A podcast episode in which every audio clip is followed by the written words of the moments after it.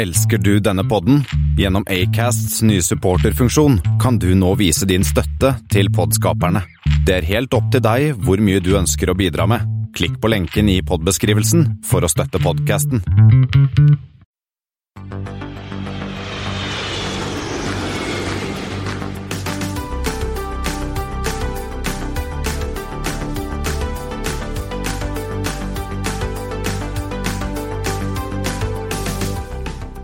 Hei og velkommen om bord på Flypoddens flight 107. Det har blitt eh, 28. april, og som vanlig i disse tider sitter jeg, Espen Næss, og Kristian Kamhaug. på hver vår tue her ute i Asker. Denne uken skal vi jo naturligvis innom både SAS, Norwegian og koronakrisen og hele pakka der. Det blir en del korona i dag, men eh, først eh, noen flighter. Du har funnet et par eh, 107 til meg, Espen. Jeg har gjort det, eh, men det var litt sånn morsomt. Det er egentlig ganske få, eller av en eller annen merkelig grunn er flight 107 et flightnummer som veldig mange selskaper ikke har. Overraskende Ok. mange. Jeg vet ikke hvorfor. Dagens eh, ikke så funny fact, men ja. Men eh, begynner med BA107, sier seg selv. LHR til DXB. Eh, Heathrow til Dubai. Ja, med en 350 000 eh, når den gikk, da. Men den går ikke Har den sjekka Går det? Den går ikke. Og så er det SV107. Det er vel Saudi-Arabian, er det ikke det? Ja, fra R. Eller heter det Saudia nå igjen? Saudia Jeg tror det er Saudia, bare. For de het Saudia, og så ble de Saudi-Arabian, og så tror jeg de Saudia het Saudia. Airlines eller Airways. Eh, fra RUH til LHR. Eh, RUH, er det det er det igjen? Det er Riyadh, ja. Og de går med en uh, 777 300 ER. Eh, den har heller ikke gått så veldig mye i det siste. Så hva Jeg klarte å finne en fellesnevner, da. Eller to. Eh, Stalt, eh, flag Carriers, eh, Heathrow Midtøsten Ja. Big Twins. ja, det var det. Men eh, du derimot, du har klart å finne flere ulykker. En som hvert er fall- veldig lenge siden, og en som ikke er så lenge siden. I hvert fall to. Eh, Vi kan begynne med eldste. Eh, Lan Chile, flight 107. Det var en DC-6B som skulle gå mellom eh, Santiago og Buenos Aires 6.2.1965. Hadde 80 passasjerer og 7 crew. Ruten den gikk over Andesfjellene, og etterforskningen viste at pilotene valgte av en eller annen grunn en annen rute enn den som man skulle ha tatt. For hadde han fulgt den oppsatte ruten, den som var liksom Company Policy Flight over Andesfjellene, så hadde han ikke truffet en fjellside. Det er jo alltid smart å unngå. Ja. Så den DC6-en den da var pløyd inn i fjellet, sånn var det et par hundre meter under toppen. Og hva het dette fjellet, Espen? Det tror jeg kanskje er oppkalt etter noe. Ja, Det het faktisk La Corona. Ja, det passer jo bra.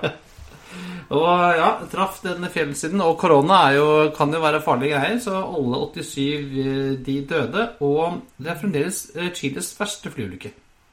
Ja. Og så har du klart å finne et litt mindre fly. Ja, og den eh, var ikke fullt så alvorlig. Dette skjedde da 7. oktober 2012, og det var flight eh, 107 fra Fly Montserrat. De hadde jeg i grunnen egentlig ikke hørt om, men det sier seg selv kanskje hvor de holder til. Ja, De holder til da på Montserrat i Karibien. Eh, det er, dette var en sånn eh, Britain Norman Islander, en sånn liten tertitt. Ja. Eh, fire paks og én pilot styrtet like etter takeoff fra Antigua, og kun én person, en passasjer, overlevde. Etterforskningen viste sannsynligvis at det skyldtes at drivstoff var forurenset med store mengder vann. Eh, og Det gjorde da at motoren ikke ga nok kraft på takeoff, og så datt den rett ned. Så vann i fyrtanken er ikke bra, Espen. Nei, det gikk, eh, gikk ikke så bra. Eh, Men i tillegg til å lete etter flyulykker, Christian, så har du hørt på et webinar eller webkast eller hva det nå heter, med en fyr som heter Josef. Ja, vi Hvem har er jo han, og hva sa han? Jo, altså, Josef eh, heter eh, Skal jeg prøve meg Josef Varadi. Han er eh, konsernsjef Han er sjef i Wizz Air. Og vi har jo anbefalt tidligere å bruke litt tid på en av de mange gratis webinarene. Denne her hørte jeg nå på Satt jeg ute i sola forrige uke. Og der snakket de med Air Transport World som hadde denne praten med, med Josef. Eh, og han eh, fortalte litt av hvert, da. Eh, om Det gikk jo mye i, i hvordan Wizz Air tåler denne krisa vi er inne i. Og han, fortalte at de har penger spent til å stå på bakken i 18 måneder. De har ikke de fleste andre. Så da Nei. ligger jo så bra an så, således. Ja da, og i dag så flyr de på cirka, det er ca. 3% av vanlig kapasitet. Er det de flyr, flyr, flyr noen ruter her og der. Har vel nå begynt å fly på UK igjen også, tror jeg. Ja, og så tror jeg de flyr eh, Torp. Torp, er det til Bucuresti? Bucuresti, ja. Eh, Jordbærplukkere som skal Det bakke. tror jeg er landbruket som eh, trenger folk. Nå har jo grønnsakene begynt å gro, og eh, du får, får ikke noen fra Nav til å faktisk komme seg til åkeren, så da må du fra Løst-Europa. Nei, Jeg leste at disse bøndene vil ikke ha folk fra Nav heller, for de vet ikke hva de driver med. Mens det gjør disse, disse arbeiderne som har vært der hver sommer de siste tiåret, da. Ja, de har liksom opparbeidet seg kunnskapen og er dyktige jordbrukere. Og eh, da jobber de jo mer effektivt og vet eh, liksom hva de gjør. Ja, men det var en liten digresjon, Espen. Ja. Eh, Vi skal tilbake til Wizard. Eh, For eh, de har, i tillegg til at de nå flyr ca. 3% av vanlig kapasitet, så har de gjort litt av hvert ting som, eh, som han Josef sier at det eh, skal de ikke gjøre igjen. Eh, Blant annet så har de vært eh, fraktselskap. De har fløyet eh, medisinsk utstyr fra Kina til Ungarn. Og det er sånn at eh, frakt, det skal vi ikke drive med. og så har han uh, fløyet longhold. Han har drevet med sånne repatriation flights da, tilbake til Ungarn fra hvert fall fra Los Angeles, Miami og New York. Uh, og det var jo en opplevelse, sa han, men det hadde Erik tenkt å gjøre.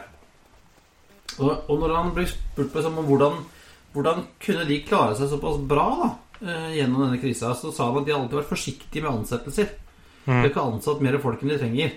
Så de har en veldig, veldig lean organisasjon uh, på bakken, først og fremst. Da, for de må jo ha folk til å fly. Um, og så tror jeg, altså, ble han spurt liksom Hva tror du skjer framover nå? Han sa at det kommer til å bli eh, færre flyselskaper, men bedre flyselskaper. Hva, hva, Eh, er, definisjonen på bedre i hans eh, øyeblikk? Da mener han da sunnere og mer solide? Ja, ja mener han- de kommer til å være mye sunnere og mer solide. Og det ser jo på det selskapet nå at de har hatt altfor mye gjeld og altfor lite oppspart kapital. Eh, Så han sier at han mener at det kommer til å være det som står igjen av de selskapene som overlever. De kommer til å være sterkere og tryggere. Mm. Og så øh, Han øh, Dette må jeg selvfølgelig si, da, men altså, han mener jo at de yngre passasjerene, de som kommer tilbake først Det har jo vi snakket litt også om, Espen, at det er jo de som blir minst redde for å reise. Og så tror han, så tror han at leisure kommer tilbake først også. Ja, men det er, gjerne, det er ikke pga. Pandemi, men at businessen eh, er såpass uh, nedtrykt akkurat nå. Det er vel mer det, slik jeg tolker det. Ja da, og det- Han må nesten si det, for hvis du ser på liksom, hvem som er passasjeren til Wizz Air, så er det unge som reiser på leisure. Ja, men jeg ser jo litt den. Jeg ser for min egen del, da, er at uh, jeg tror jeg kommer til å reise på en privat tur før arbeidsgiveren min uh, løser opp på noen travel policies. Ja, det er jeg helt overbevist om, Espen. Det tror jeg også. Um, jeg så noen tall fra IATA i dag. De hadde gjort undersøkelser, eh, og da sa de at var det 40 av de spurte, svarte at de ville nok vente et halvt år etter at pandemien var over, før de ville reise igjen. Og det kan ikke hende de sier det nå litt fordi de er midt i krisa, men eh, jeg tror nok at folk kommer til å vente en god stund, altså. Så han kan nok ha rett. Ja, eller du snakker business, eller det er leisure. Sånn som jeg. Jeg kunne dratt i morgen, men jeg må ha et sted å dra til. ja, Som ikke sånn gir meg karantene. Som er barnevakt først, gjerne. Altså, Nei, du kan jo dra til Kristiansand, da. ja, men hva er oppe? Nei, det, jeg vet ikke. Jeg, jeg, jeg driver ofte og, og ser på disse livesendingene fra Dyreparken. Espen, har du prøvd det? Ja, nei, men den er sikkert stengt. Men det er litt sånn Skal man dra ting, må grensene være oppe. Men ting må være oppe. Jeg gidder ikke dra til Bergen for å gå på drive-through på McDonald's hvis det er ensomme oppe. Nei, nei jeg satt, jeg satt, du kan jo stå utafor gjerdet og se inn på, på akvariet, da. Jeg vet ikke. Ja, jo, det er nettopp det. Du gidder ikke å stå utenfor gjerdet. Du vil liksom inn, ikke komme an selv, liksom bare gå rundt. Da kan jeg gå rundt i skogen her. Ja, og så eh, Dette kommer vi tilbake til senere pga. de nye reglene som kommer fra Samferdselsdepartementet i dag, Espen. Men, men eh, han tror jo også at eh, i en periode så vil nok seatingen måtte justeres. Eh, kan ikke sitte så tett som vi har vært vant til. Men det tror jeg han vel, det er vel vi også enige i at det kommer til å gå over. Og i starten så mente han at det var ikke noe problem, for flyet kommer ikke til å være fulle uansett. Det, det løser seg litt selv. Er ikke flyet fullt, så sitter du heller ikke skulder til skulder. Det, Ja. Nei, også så De jobber faktisk med, jobbe med algoritmer for å kunne styre seating på, godt, på en smart måte. Da. Det må vel bli slutt på free seating, da. Skulle man tro. jeg vet ikke om vi hadde Wizz det. Jeg har ikke prøvd akkurat det. Men ja. Eh, også det han, men eh, det han er litt sånn sur på, da, er disse, disse ukoordinerte reglene som finnes i Europa. Noen land har jo stengt helt ned, andre land er åpent. eh, og, og det synes han, og det, er jo helt enig. Det blir jo veldig vanskelig situasjon å, å orientere seg i fremover. ja, og det har vel også både IATA og Eurocontrol også nevnt at det er liksom et problem at selv ikke liksom EU er koordinert litt seg imellom. eh, at man forstår at forskjellige land er forskjellige stadier eller hva som helst, men heller ikke noe sånn Det er lite felles koordinasjon ute og går. Nei, jeg, vi snakket vel om det forrige gang eller det var etter sending, at, at vi kunne jo håpe at Danmark kanskje ble åpna for nordmenn, men det, det var ikke Det var vel ikke norske myndigheter helt åpne for, i hvert fall. Så jeg. Jeg får se, da. Nå, liksom, nå virker det jo som egentlig dan norske myndigheter kopierer danske myndigheter med en sånn én til to ukers lag. Ja, så vi, vi kan jo håpe at det blir en sjanse for at Danmark i hvert fall er spennende. Det hadde vært ålreit. Eh, og han ble spurt liksom, ja, men hva, hvordan tenker dere oppstarten skal bli. Og da sa han han regner med å starte med, med ca. en tredjedel av kapasiteten. Eh, og så, etter en to-tre måneder, så tror han at de var tilbake på 75% Og etter et halvt år så regnet han med å være tilbake på 100% da, alt ettersom når ting åpner igjen. Og det er den mest optimistiske jeg har hørt til nå. Ja, eh, Ed Bastian i Delta sa jo at det kom til å ta tre til fire år. Ja, det sier vel Lufthansa, det sier SAS. Jeg forstår det sånn. Ja, Basecasen til Lufthansa er vel til neste sommer så er de på var det 75 Det husker jeg ikke helt nøyaktig tallet, men det var nå borti der. Ja, eh, og Ed Bastian sa vel to til tre år, ikke tre til fire år. Men uansett, så det Han Josef, Joseph er nok eh, litt mer optimist enn eh, mange andre. Eh, Og så er det sånn at vi har jo nevnt at dette er jo en uh, Han har jo masse penger i kassa si, uh, og han ser jo Han sa jo ikke det direkte, men han ser jo klart at det er jo mulighet, vil være muligheter der ute. Når det ene selskapet etter det andre går dukken, så vil jo han kunne suse rett inn. Han skal jo ta imot Han skal motta 25 nye fly han gjør. Han har ikke, han har ikke deferred noen år, han. Nei, skal ha de 25 nye flyene. vel. Ja, det sa jeg også, at det er Wizz Air og det det var et par andre selskaper som sagt at nei, vi tar de flyene vi hadde planlagt i år. Ja. Eh, og han ser jo da først og fremst nye muligheter i Øst-Europa, eh, men også Vest-Europa og flere enn UK og Østerrike man allerede er. Så eh, hvis det skulle gå så gærent med Norwegian at de ikke fins neste år, så tror jeg nok at det står noen rosa-lilla fly og venter. altså. Ja, det blir, det blir. Fagforening eller ikke fagforening. Ja, det blir, det blir litt spennende å se det. For det har vært litt noen bøygen at de har ikke vært at Wizz Air er ikke så veldig glad i å ha fagforeninger, og at det kanskje derfor har holdt seg ut fra land hvor det er litt mer, kall det si, obligatorisk, om ikke formelt, så i hvert fall uformelt. Jeg har jo stor base i UK, da. Ja, Er, det, er de organisert der? Ja, det er, jeg tror det er mye organisert i UK. Altså. Og så uh, starter de opp den Abu Dhabi eh, joint venture sitt, og så er det også en ny base i Georgia på, på trappene. Så ligger ikke rolig. Nei. Eh, og så sa han også at eh, de har gjennom Gjennom den ekspansjonen deres de siste årene så har de vært mer opptatt av å bygge cash eh, og bygge kapital enn å levere overskudd hvert år.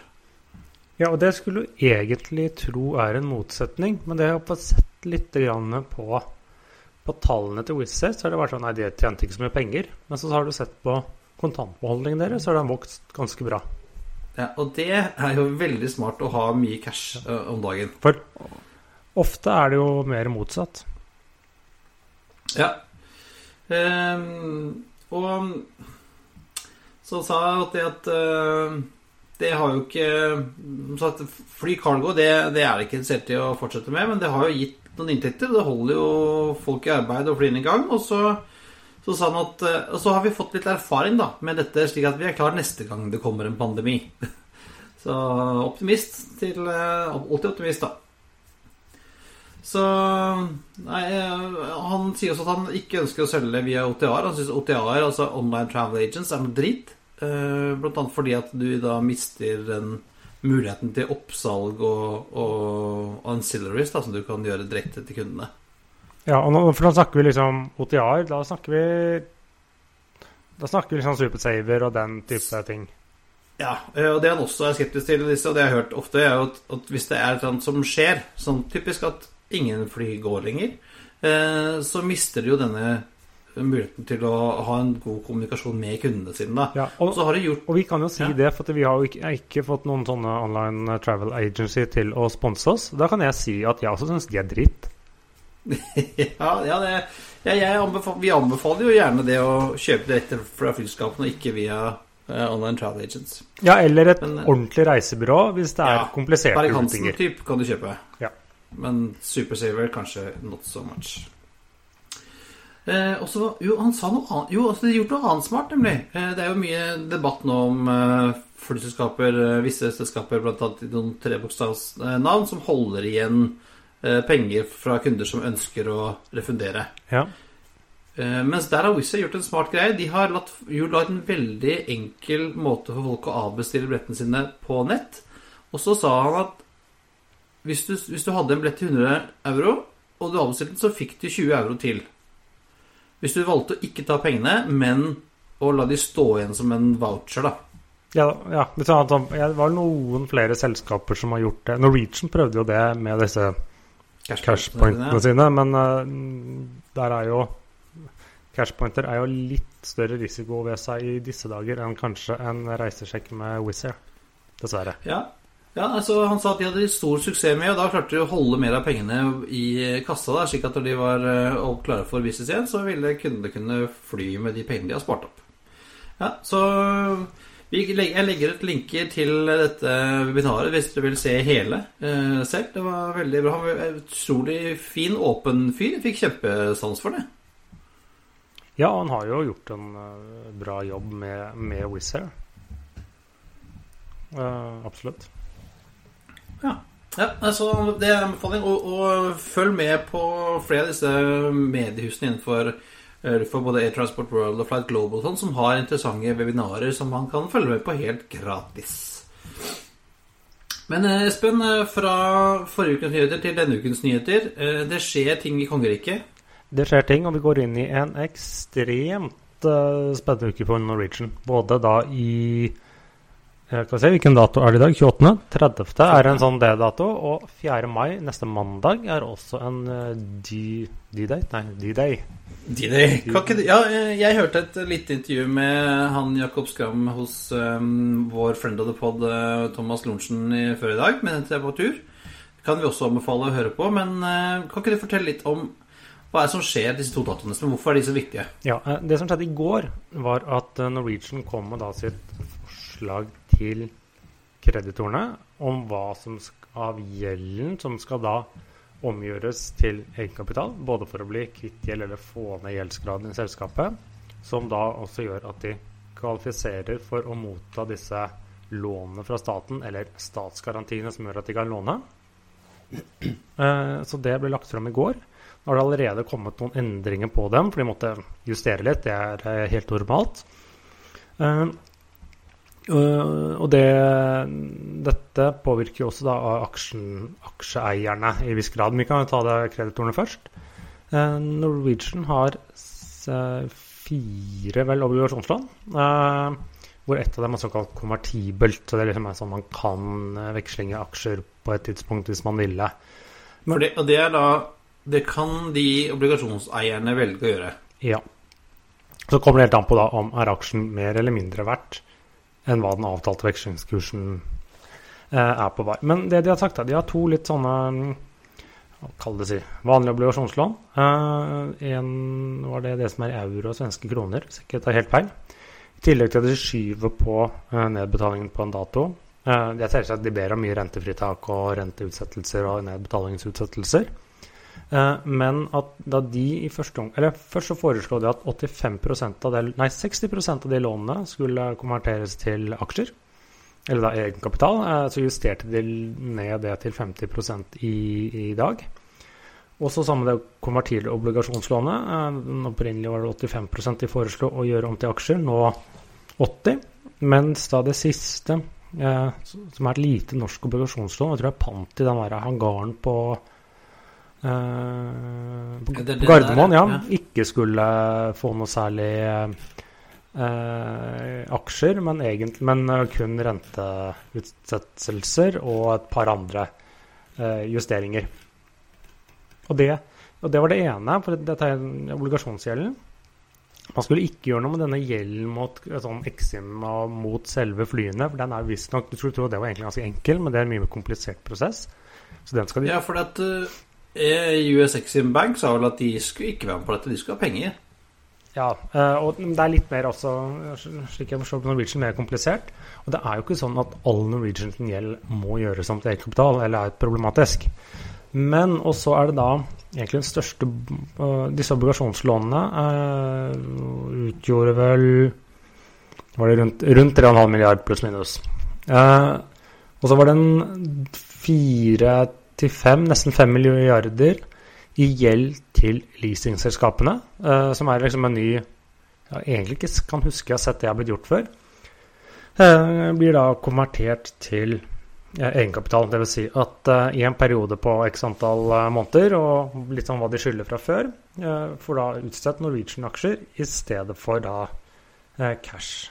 Og så er det også flere løsninger der slik at de som vi kommer litt tilbake til, med at uh, de nødvendigvis ikke skal betale full leie. De skal kanskje betale leie litt mer hva de bruker flyene det neste året osv. osv. Men litt sånn praktisk hva det har å si, er jo da sitter da ender leasingselskapene, det er flere av dem, ja, men til sammen opp med over 50% av Norwegian. Hvis de godtar denne dealen, ja. Hvis de godtar det. Mens av disse obligasjonseierne eh, får sånn rundt røftlig par og 40. Eh, det, var, det, var slik forrige. Så har det blitt litt justering, så kanskje har kommet seg under 40 nå. Mens da eksisterende aksjonærer, litt avhengig av da vekslingskursen, egentlig bare får sitter igjen med 5% Ja, det er vel litt bedre enn den uh, halve promillen de satt igjen med sist, da. Forrige, forrige planen, men ja, litt, Den har vel ikke helt sett, men det blir ganske bra utfall, da. Og så, så da, det, da er det kreditorene, da. De skal si ja eller nei til dette på torsdag 30. april. Og Hvis de godkjenner den, eller hvis de ikke godkjenner den, så litt usikker hva som skjer. Uh, da har noen et veldig stort problem. Hvis de ikke godkjenner, eller hvis de godkjenner den, så er det da skal aksjonærene stemme.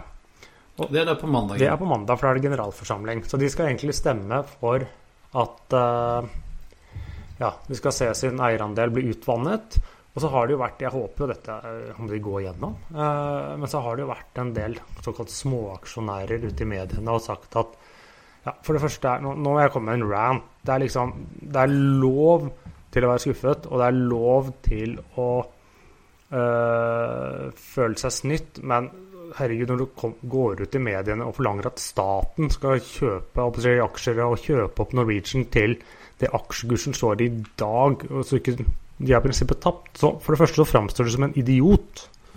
Uh, og så blir man liksom sånn Skjønner ikke folk at for Norwegian-aksjonærer så er egentlig alt over bitte litt, eller alt over null Alt over null er oppside? I, I Norwegian dag så er praktisk egenkapitalen tapt. Det er sikkert derfor Jakob Skram heller ikke kjøper aksjer. For han vet at når dette går gjennom, så den, at den aksjen er verdt er det fem kroner nå, det er jo bare tro, håp og kjærlighet og null substans. Men uh, ja, Kan også ha han ikke lov til å kjøpe aksjer, da, for han er jo primærinsider. Det reddet men, han. ja, flaks. Uh, sånn sett, og Jeg skjønner jo at de er skuffet til at de er skuffet, men det er uh, Det får være en måte på å ikke Skal du investere i aksjer, så vær så snill, da. Forsøk og skjønn hva det vil si å eie egenkapital i selskap, hva det vil si å eie en aksje. Og så må man ikke ta telefonen og ringe en journalist for man skal utpassionere sin elendige kunnskap. Nei, det er sant, man må, man må ikke svare. Det går an å si ingen kommentar, faktisk. Ja. Eller, men som det er noen velger å få trynet sitt klistra utover mediene og framstå som en idiot. Sånn, nå var jeg ferdig. Ah, det var deilig. Eh, ja, nei, det, Han sa jo det faktisk, Jakob Skam i det intervjuet med, med 24, at han kunne jo ikke kjøpe aksjer nå. Men han var litt han var, og så, fikk han spørsmål om men, ja, men vil du kjøpe aksjer når du eh, kan.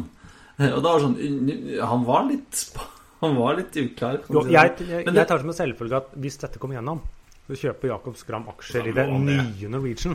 Eh, det er en helt annen sak. Det tror jeg kan være lurt, for det tror jeg kan bli handlet ganske billig. Og hvis det da overlever, selv om Norwegian må da De trenger jo kanskje også mer cash. Og de, de sier også de skal ha en emisjon på 400 millioner kroner. Både for å kompensere litt som eksisterende aksjonærer, men også for å skaffe uh, mer cash. For å omgjøre nei, gjeld til egenkapital. Det gir dem jo ikke kontanter.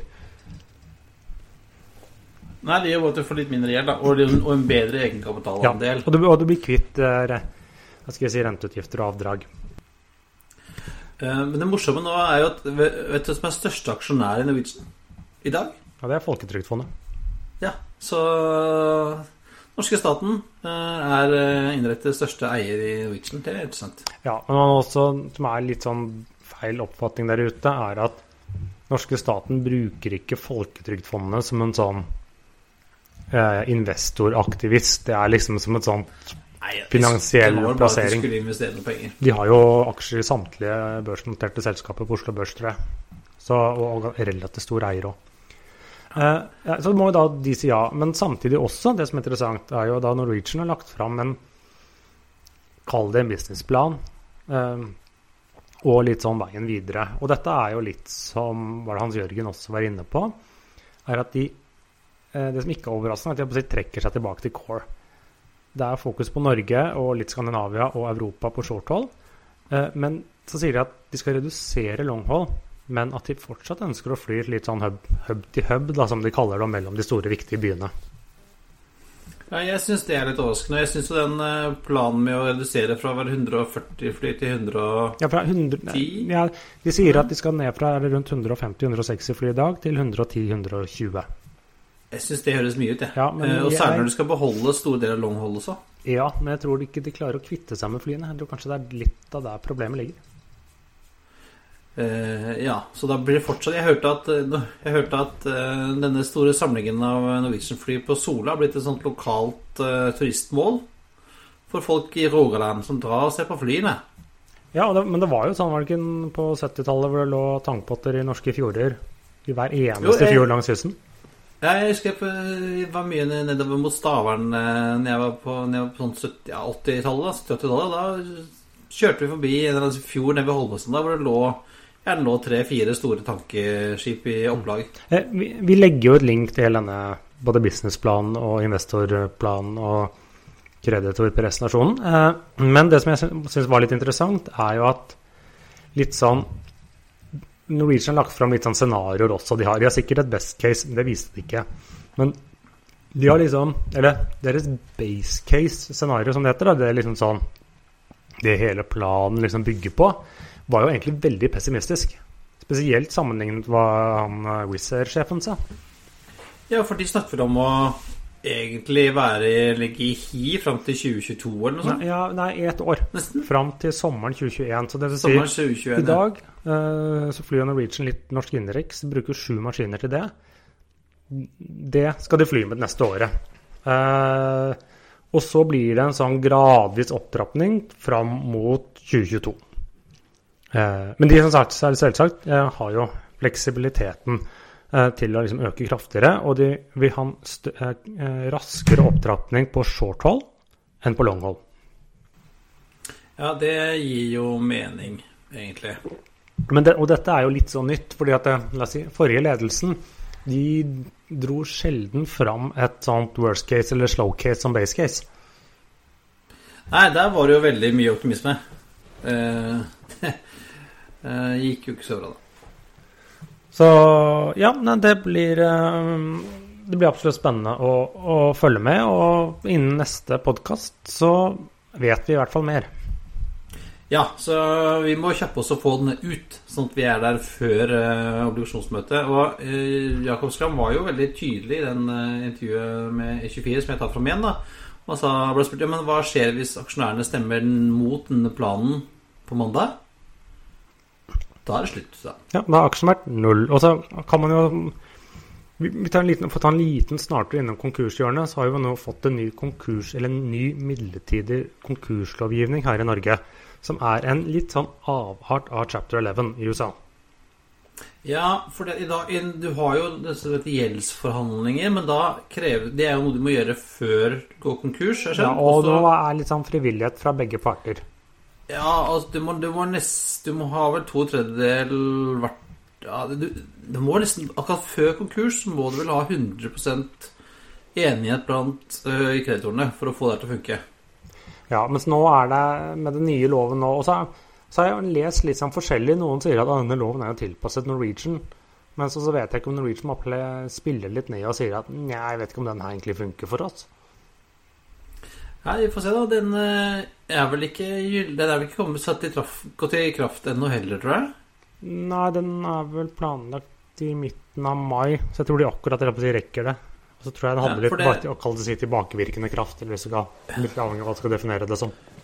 Ja, nei, jeg, jeg, jeg, hørte en, en, en, en eh, konkursadvokat som fortalte om dette her, og han sa jo at den eh, nye loven så gjør du da kan jo med rent flertall, 50% flertall, så kan eh, småkreditorer f.eks. blir tvunget til å godta en avtale der hvor du blir eh, får aksjer istedenfor penger, da, i en rekonstruksjonsopplegg. Uh, ja, og så blir det vel også da Da blir det vel også full stopp. Så da blir det liksom full stopp i tilbake til betaling av billetter og sånn sånn bra måte.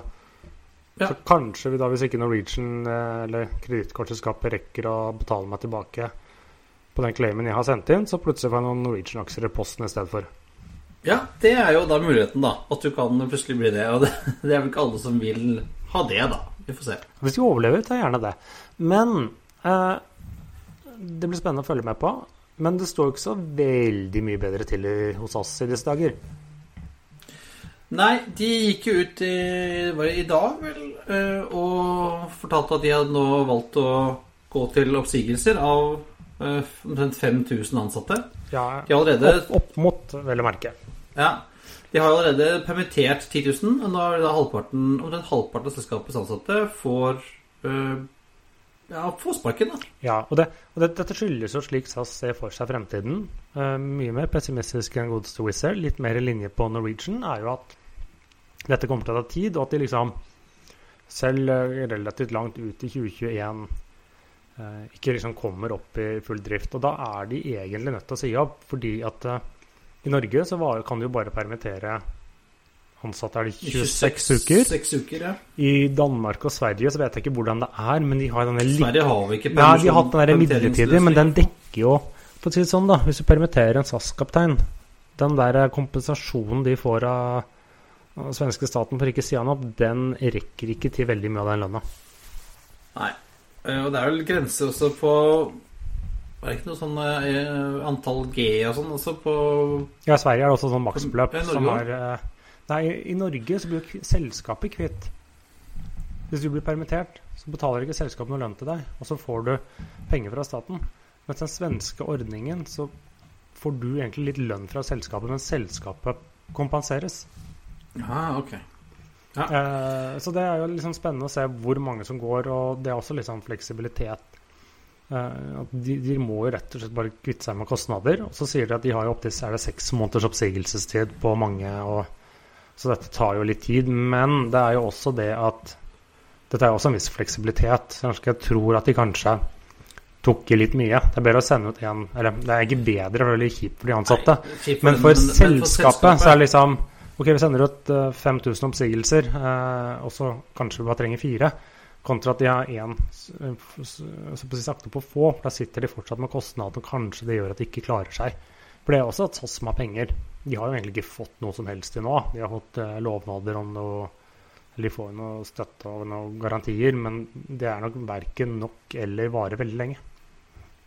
Nei ja, og um, så er det jo også denne muligheten da, til, å, til å si, starte opp igjen eh, og hyre folk tilbake. Og dette har jo SAS har jo opp gjennom årene i hvert fall fått god erfaring med oppsigelser og tilbakekall. Og det fins en sånn avtale pleier å være en sånn greie at hvis du blir sagt opp, så kan du få tilbake jobben din. Men det er vel også litt av det i Norge litt sånn i lovverket, er at uh, ja. inntil et år så står du først i køen. Og det er jo litt sånn Ja, folk kan forsvinne andre steder. Men det er jo litt sånn dessverre i disse dager, hvis du som uh, kabinansatt eller en pilot får sparken fra flyselskapet ditt, så har du faktisk ikke et annet flyselskap å gå til. Så det er ikke at de går til konkurrenten og blir fast der. Nei, nei det, er, det, er, ikke så mye annet å gjøre. Jeg har uh, stor sympati med de nå som, uh, som, sliter. Det er jo ganske mange sånne mange par også. Det hvor kanskje begge to uh, mister jobben. Det er jo det er veldig veldig vanskelig. Vi får håpe at det snur, eh, og de kan begynne å hyre tilbake. Vi har vært, bransjen har vært gjennom sånne nedganger før, men ikke Ikke så brått. Ikke på, ikke på den, ikke, ikke så brått, ikke på denne skalaen, altså, hvor alt er bare helt slutt. Ja, det er helt, eh, helt weird. Nei, så blir det spennende å se. Det er som sagt, som jeg sier, at SAS trenger også cash og penger mer enn noe sånn garantilån etter hvert. Men det, det gjelder alle. Ser nå øh, nyeste i dag var Lufthansa, som var ute og først liksom hadde klart å forhandle en eller annen pakke med staten, som jeg også tror innebar uh, mer enn bare lån. Også, men da måtte staten få noen styreplasser og skulle ha noe å si og kunne blokkere en del avgjørelser og sånne ting. Og så han er foreløpig, han Karsten Spohr, sjefen i Lufthansa, var nei, det gidder vi ikke. Da erklærer vi oss sånn hva er det, selverklært insolvent eller noe sånt noe. De har noen sånne regler i Tyskland òg. Så han truer med å slå hele Lufthansa-gruppen for insolvent. Ok, ja. Og Air France KLM hadde også, sto også klar for å få noe nederlandsk-fransk eh, hjelp, skjønte jeg? Ja, og så er det litt sånn Nederlenderen vil ikke gi til franskmenn, og franskmenn ikke til nederlenderne. og Hvem vet skal bli spennende å se. IAG skulle si opp Jeg er litt usikker på var IAG eller BA, det kom an på hvilken nettavis jeg leste, uh, skal si opp 12 000 ansatte. Ja. Ja. Og lurer spørs på da, altså Når de da skal starte opp igjen, da uh, har de, Da har de jo halvparten av staben. Da må de vel også kunne si farvel til halvparten av flåten. da Og Spørsmålet er, Espen, kommer 737 til å fly i det hele tatt? For SAS vi er tilbake igjen. Ja, den er jo nesten Jo, men akkurat nå så er mesteparten av trafikken deres med 737. Ja, for dette flyr Norge. Men uh, altså, jeg, hvis, jeg, hvis, jeg, skulle liksom, kutta noe, så hadde jeg jo tatt sjansen på at alle skytter sine ut? ja, det, er sånn, da, det er nok uh, skal ikke, Man skal ikke se bort fra at det blir en akselerert utfasing av bl.a. skytterresju. Uh, men så må man jo lære opp de i må, uh, Oppsigelser i flybransjen går jo på ansiennitet. Så det er jo mye lag i å lære opp personer. Og det jo, kan jo ikke akkurat dra nå til nedover Europa og ta et Airbus-kurs.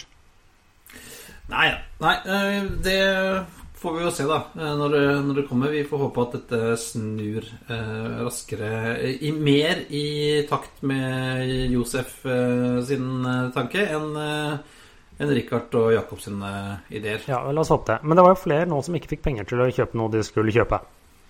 Ja, for Boeing skulle jo kjøpe 80% av MBR og overta mer eller mindre den kommersielle delen, altså E2-ene og sånn, men det ble ikke noe av. Nei. Eh, Boeing Nok en deal som de ikke vasker. Ja, Boeing hevder de skulle betale 4,2 milliarder dollar. Boeing hevder at nei, Embraer hadde ikke oppfylt alle kravene ville trekke seg, og Embraer mener at det stemmer ikke, og sier at nå ringer vi advokaten vår, for nå skal vi ha cash av dere, siden dere ikke holdt avtalen. Eh, og det, det sier jo seg selv at den summen som Boeing skulle betale for 80% av liksom Embraer Commercial, da, som det heter, det er jo noe mer enn hele Embraer-konsernet er verdt. Ja. Uh, slik aksjekursen har utviklet seg. Så ja. Ja, det ble, ble ikke noe, noe brasiliansk brud på Boeing der, tydeligvis, da. Uh, men, men det, det morsomme er morsomt, uh, Oppi all elendigheten så dukker det opp to nye ruteflyruter, Espen i, i vårt lokalområde. ja, vi skal begynne i Danmark. Vi begynner i Danmark. Uh, Sun som flyr rundt som BA, de har, sagt at de skal starte opp uh, Brussel eh, Eller Billund til Brussel. Fordi den har eh, Brussels Airlines trukket seg ut fra. De, start, de skal starte opp 7.9. Ja, på Brussel Airlines er litt mer enn koronastengt. De har vel egentlig stengt den sånn ganske lenge. Ja. Så, øh, så jeg sier at vi skal starte opp, vi øh, vil gjerne ha litt støtte fra myndigheter selvfølgelig for å fly, men de skal da fly med denne øh, 30-seters-jetten sin. Mm. Jo, også, Den øh, Fairchild 328. så kom det jo også en ny dansk hva skal jeg si, ruteåpning. Det var DAT i dag som annonserte at de Ja. fra før sommeren skal begynne å fly ganske mange daglige, eller en del daglige, mellom Aalborg og København. Det er jo omtrent den eneste ruten jeg tror SAS opererer kommersielt i dag. Med en sånn ATR som går maks to ganger om dagen. Ja, øh, Norwegian er jo helt ute av dansk innenriks. Ja, Norwegian ser ikke for seg å fly noe som helst i Danmark før ut i 2021. Nei, og da er det jo smart å komme da med ATR 72 vel, som skal fly på den ruta. Det passer vel bra. Og så forrige fredag, var det vel, da hadde SAS sin første avgang til, på sin nye rute til Lakselv. Yes, to ganger i uken. Ja, det er eh, på si før helgen og etter helgen. For permisjon er av soldater. Ja. Ja. men den, det var ikke Det var liksom ikke Jeg så noen bilder derfra, men det var ikke stor festivitas. Det var det ikke. Nei. eh, men også er det jo to nye Skal vi kalle det cargo-ruter eh, til OSL? Ja, øh, vår venn øh, Martin Langås, som har vært øh, på podden mange ganger, han er ute og skriver nye deals med fraktselskaper, eller ikke-fraktselskaper, om dagen. Ja, eller de har jo frakt Det er da Ja. Nå begynner det Er det 2. mai? Jeg tror faktisk det er oppstart 2. mai for begge to. Et, på lørdag. Etihad kommer med en Er det en 7879 passasjerfly, eh, men med da frakt.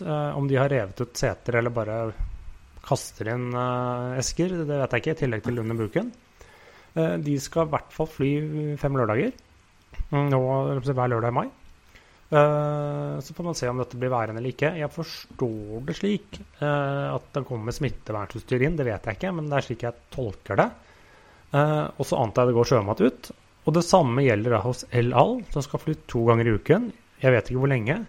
De skal primært komme med en 727-200 ER. Og, og selv om de skal vel også innom med 787 iblant. Eh, og da tar man seg laks nedover til Tel Aviv. Og jeg antar, jeg har ikke sett noe mot det, så jeg bare gjetter, at de kommer inn med smittevernutstyr og litt sånne ting. Ja. Interessant. Eh, og vi nevnte det litt i starten, Espen. Det kommer jo også nye regler i dag fra Samferdselsdepartementet om, avs- om sosial avstand på fly. Ja, og det som jeg, sånn jeg så det, at her gjør de dette litt for syns skyld. Det er som halv... Jeg tror Det kom jo Det kom jo noen saker i helgen ved en annen blogger som hadde vært ute og fløyet med et SAS-fly som faktisk var stappa fullt. Ja, og de, de færreste flyene er jo det nå. Eh, Så nå kom regelen at det nå skal være eh, minst ett sete mellom hver passasjer. Ja, så et, sagt, hvor lenge varer dette? Det vet jeg ikke. Eh, og så er det jo litt sånn Har det virkelig blitt så mange smittet på fly her i landet? Eh, men eh, Nei, det er vel aldri blitt noen smitta på fly noe sted, tror jeg. Det vet jeg ikke. Men jeg, jeg, jeg følte at dette er sånn OK, la oss vise at vi gjør noe. Det har blitt litt eh, kritikk for det. Eh, for min del så virker det som da uh, sønnene mine kom tilbake i barnehagen Jeg var det forrige uke. Og jeg føler det er litt som at halvparten av de tiltakene i barnehagen var også sånn for syns skyld. Ja, jeg tror det, Men det har jo noe med som at folk skal føle seg trygge og, og beroliget. Da. Og, det, som vi, sånn som vi har sikret på det, så er det vel sånn at flyr, har du en 737 eh, A320 med 6 i bredden, så må du kutte ut en tredjedel av setene. Og flyr du en, en Dash 8 eller en eh, Embraer med 4 i bredden, så må du kutte ut halvparten av setene dine. Det er slik eh, det, Ja, men Eller problemet er at nå er det bare businessreise. Men hvis du bor i samme husholdning, så kunne du settes tettere sammen. Så da burde du egentlig sånn rabatt. Da burde du burde med sånn tre for to-tilbud. Ja! Hvis det er familie, så kan du reise billig. Det syns, det syns jeg. For at uh, Ellers så vet jeg ikke helt hvordan de skal få vite det, på en måte.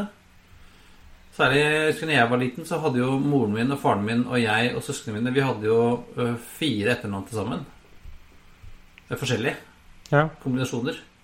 Så hvordan skal vi vite hvem som var hvem? Ja, nei eh, ja, Det er nok en sånn greie som Vi, vi kommer nok til å se den fleste. United var jo også ute med en sånn annenhver seteløsning. Ja. Nei, men så, da, delvis så løser dette seg selv, og delvis er det litt for syns skyld, og delvis så får man se hvor lenge det blir værende. Og så må man se da Hvis det blir et problem, eller sånn, hvis det liksom blir fulle fly, da følger flyselskapene Da får staten betale da for de tomme setene. Og så følger flyselskapene Ja, sette opp ekstra, ekstra fly, for slik det er nå, jeg vet ikke hvor lenge. eh, Denne stort sett den innenrikstrafikken nå er jo det at staten har bestilt x antall fly til Bergen hver dag. Ja, så da går, Det løser seg jo, det. Men jeg tror vel at uh, vi også må innse at flyprisene kommer til å gå opp. Ja, eh, Det må jo bli dyrere. Ja, det, det, det tror jeg også. Men eh, vi har som sagt vi har vært innom eh, den norske chapter 11 tidligere, men vi rekker en liten tur innom eh, konkurshjørnet. Ja, Espen, der har vi da vi- vi- Det har jo Ja, vi, vi skal ikke snakke om alle de som er sånn nesten konkurs, for da, da kan vi sitte en uke. Ja, det er jo alle. Ja, det er alle. Unntatt Wizz. Men altså, et selskap har nå øh, gått øh, til øh, meldt, meldt oppbud, eller det har vel også en slags rekonstruksjon? ja, det er uh, Air Mauritius. Uh, så er ikke jeg sånn superdreven på, på de mau, mauritiske konkursreglene, men de erklærte seg insolvent og søkt om rekonstruksjon eller noe sånt. Altså det er sånn Ja. Ja. En, la oss kalle det chapter chapter. La oss kalle det chapter 11. Så det, er det, var det eneste egentlig denne uken. Eh, Ja, og det var jo sånn at det var ikke sånn at der gikk det bra fra før av. De var jo rimelig nede i gjørma før ja, også. jeg, jeg tror de var litt sånn halvveis inn i en turnaround. Litt sånn som Norwegian. Ja, for de søkte vel om en slags rekonstruksjon allerede i Eller om det var en sånn slags frivillig rekonstruksjon allerede i januar. Ja, nei, før dette så liksom de, de holdt på liksom å snu seg om de skulle få disse 330-ene Neonene, eh, som ville være billigere, billigere i drift og liksom så litt på ruteprogram og samarbeid med andre aktører. Eh, men de rakk jo aldri å komme gjennom dette. Nei, så får vi se. Og de kommer ut på andre sida. Um, Jeg tror at de er vel litt sånn statlige at eh, det dukker opp en eller annen Air Mauritius eller to. Mauritius Air kommer. Ja. Og så har jeg en, eh, en ny, gammel anbefaling, Espen. Hva har du tryllet fram nå, Christian? Nei, jeg Vi må Vi har snakket om det før i sendingen, men jeg må altså bare anbefale eh, E24-podden. I tillegg til Flypodden så det, er det få podkaster i Norge som snakker så mye om flybransjen som dem. Ja, for jeg, jeg føler at det, om ikke det er én gang i måneden at de kommer inn på temaet luftfart, så er det jammen ikke langt unna.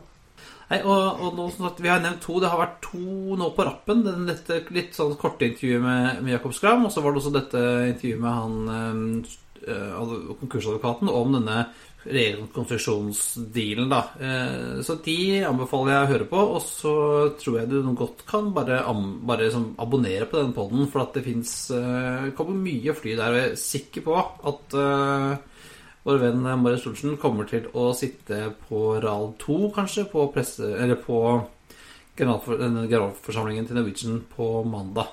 Ja, og dette blir en av de få spennende generalforsamlingene der ute. En, for de som ikke er klar over det, generalforsamlinger er normalt dritkjedelig, trøttende greier hvor du, alt går egentlig etter planen, men her er det faktisk litt spennende rundt stemmegivningen. Ja, her kan det bli opprør og greier, og, og jeg vet ikke om de kjører vel som alle andre kjører vel digitalt i år? Ja, Det blir kanskje det, så kanskje du kan mute noen sånne møteplagere. Det, ja, kanskje vi kan streame den inn uten å være aksjonær. Det kan være litt sagt. Ja, men det er altså alt for denne gang. Det er på tide å feste sikkerhetsbeltene, rette opp setet og sikre fri sikt ut av vinduet ettersom flight 107 går inn for landing.